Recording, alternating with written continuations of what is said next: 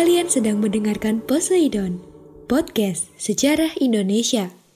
Ngomongin masa lalu dengan gaya masa kini. Oke, 3, 2, 1, go!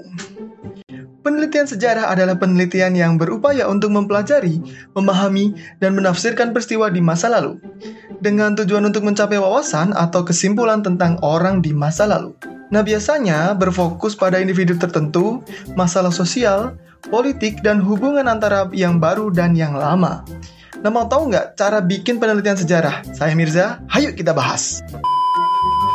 Jadi nih boy, kalau kamu pengen meneliti sejarah atau ingin melaksanakan penelitian sejarah, ada beberapa hal yang harus kamu jalani. Dari yang pertama adalah mencari topik.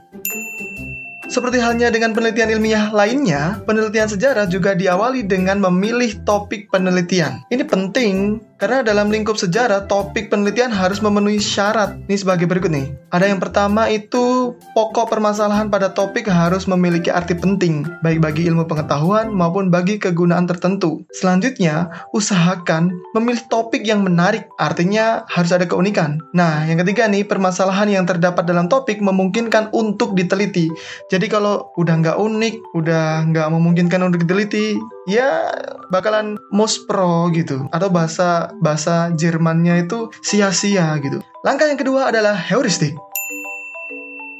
Heuristik ini merupakan tahap untuk mencari, menemukan, serta mengumpulkan sumber-sumber atau berbagai data yang relevan terhadap topik penelitian. Tujuan dari langkah kedua ini adalah untuk mengetahui segala bentuk peristiwa atau kejadian sejarah pada masa lalu. Nah, agar bisa menemukan sumber-sumber tersebut, seorang peneliti harus bisa mencari pada dokumen-dokumen. Misalnya nih, peneliti dapat mengunjungi situs sejarah dari topik tersebut, atau peneliti dapat menggunakan metode kepustakaan uh, atau juga arsip nasional, atau juga nih, peneliti dapat melakukan berbagai wawancara untuk melengkapi data sehingga dapat menunjang terwujudnya sejarah yang mendekati kebenaran atau fakta. Pada dasarnya, sejarah yang terjadi memiliki begitu banyak masa dan bagian seperti politik, ekonomi, sosial, dan bahkan budaya. Sehingga perlu adanya untuk memiliki sumber data yang bermacam-macam.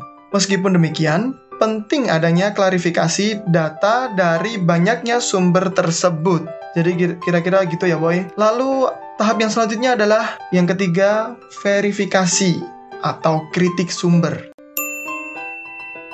Verifikasi ini adalah langkah dalam penelitian sejarah yang digunakan untuk menilai sumber-sumber sejarah, atau dengan kata lain, verifikasi memiliki arti pemeriksaan atau pengujian terhadap kebenaran laporan tentang suatu peristiwa sejarah. Nah, verifikasi terhadap sumber-sumber sejarah menyangkut dua aspek, yaitu intern dan ekstern. Nah, berikut penjelasannya. Aspek intern adalah aspek yang membahas tentang isi yang terdapat pada sumber sejarah, sehingga bisa memberikan informasi yang diperlukan, misalnya berupa proses analisis terhadap suatu dokumen. Kemudian ada yang kedua aspek ekstern, yaitu aspek yang membahas tentang ke keaslian pada sumber sehingga peneliti harus bisa menguji tentang kebenaran dokumen sejarah tersebut. Jadi ada ekstern dan intern ya boy. Lalu selanjutnya ada yang keempat itu ada interpretasi.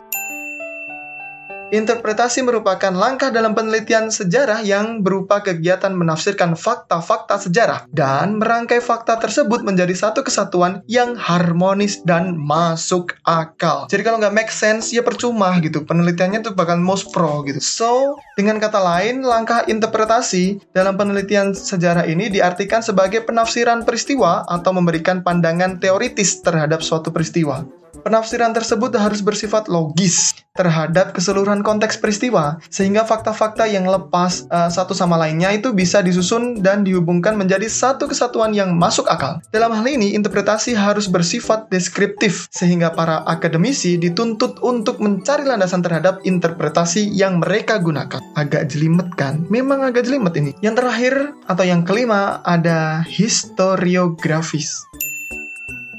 Historiografi ini berasal dari kata historia yang artinya sejarah dan Graphia yang artinya penulisan. Jadi historiografi bisa diartikan sebagai tahap atau langkah paling akhir dalam kegiatan penelitian. Nah, menuliskan peristiwa sejarah bukan sekedar menyusun dan merangkai fakta-fakta yang diperoleh dari hasil penelitian saja, tapi dalam penulisan peristiwa tersebut juga harus menyampaikan satu pikiran melalui interpretasi sejarah berdasarkan fakta hasil penelitian. Oleh sebab itu, dalam penulisan sejarah dibutuhkan kepandaian dan keahlian uh, agar dapat menghasilkan historiografi yang baik yang mampu memunculkan latar belakang, kronologi peristiwa, analisis sebab akibat, dan uraian mendalam mengenai hasil penelitian dampak serta simpulan. Tahap historiografi sendiri dalam penelitian sejarah ini dapat dibagi menjadi dua. Yang pertama ada historiografi naratif. Ini tuh bentuk penulisan sejarah yang berisi rekaman peristiwa atau tindakan pelaku secara pribadi yang berlangsung dalam waktu tertentu. Sedangkan yang kedua itu historiografi strukturalis adalah bentuk penulisan sejarah yang berisi perubahan perubahan yang terjadi di masyarakat. Historiografi ini sering juga disebut dengan historiografi sejarah sosial.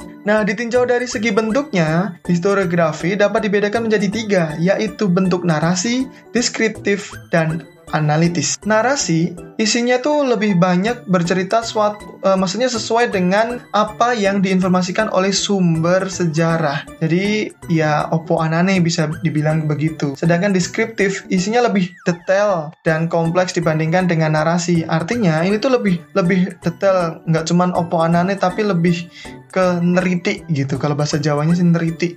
Bahasa Indonesia apa ya? Iya detail itu detail itu. Sedangkan yang ketiga itu bentuknya analitis. Isinya lebih banyak berorientasi pada penelaahan masalah. So, apa yang kita bisa dapatkan dari episode hari ini? Yang jelas nih, dengan penelitian sejarah kita tuh nggak cuma tahu kebenarannya, tapi juga bisa mempelajari dan memperbaiki sehingga dapat diprediksi di masa sekarang untuk masa depan yang lebih baik lagi. So, ikuti terus perkembangan Poseidon di Instagram at podcast underscore sejarah Indonesia. Salam sejarah, salam lestari, saya Mirza. Terima kasih. Terima kasih.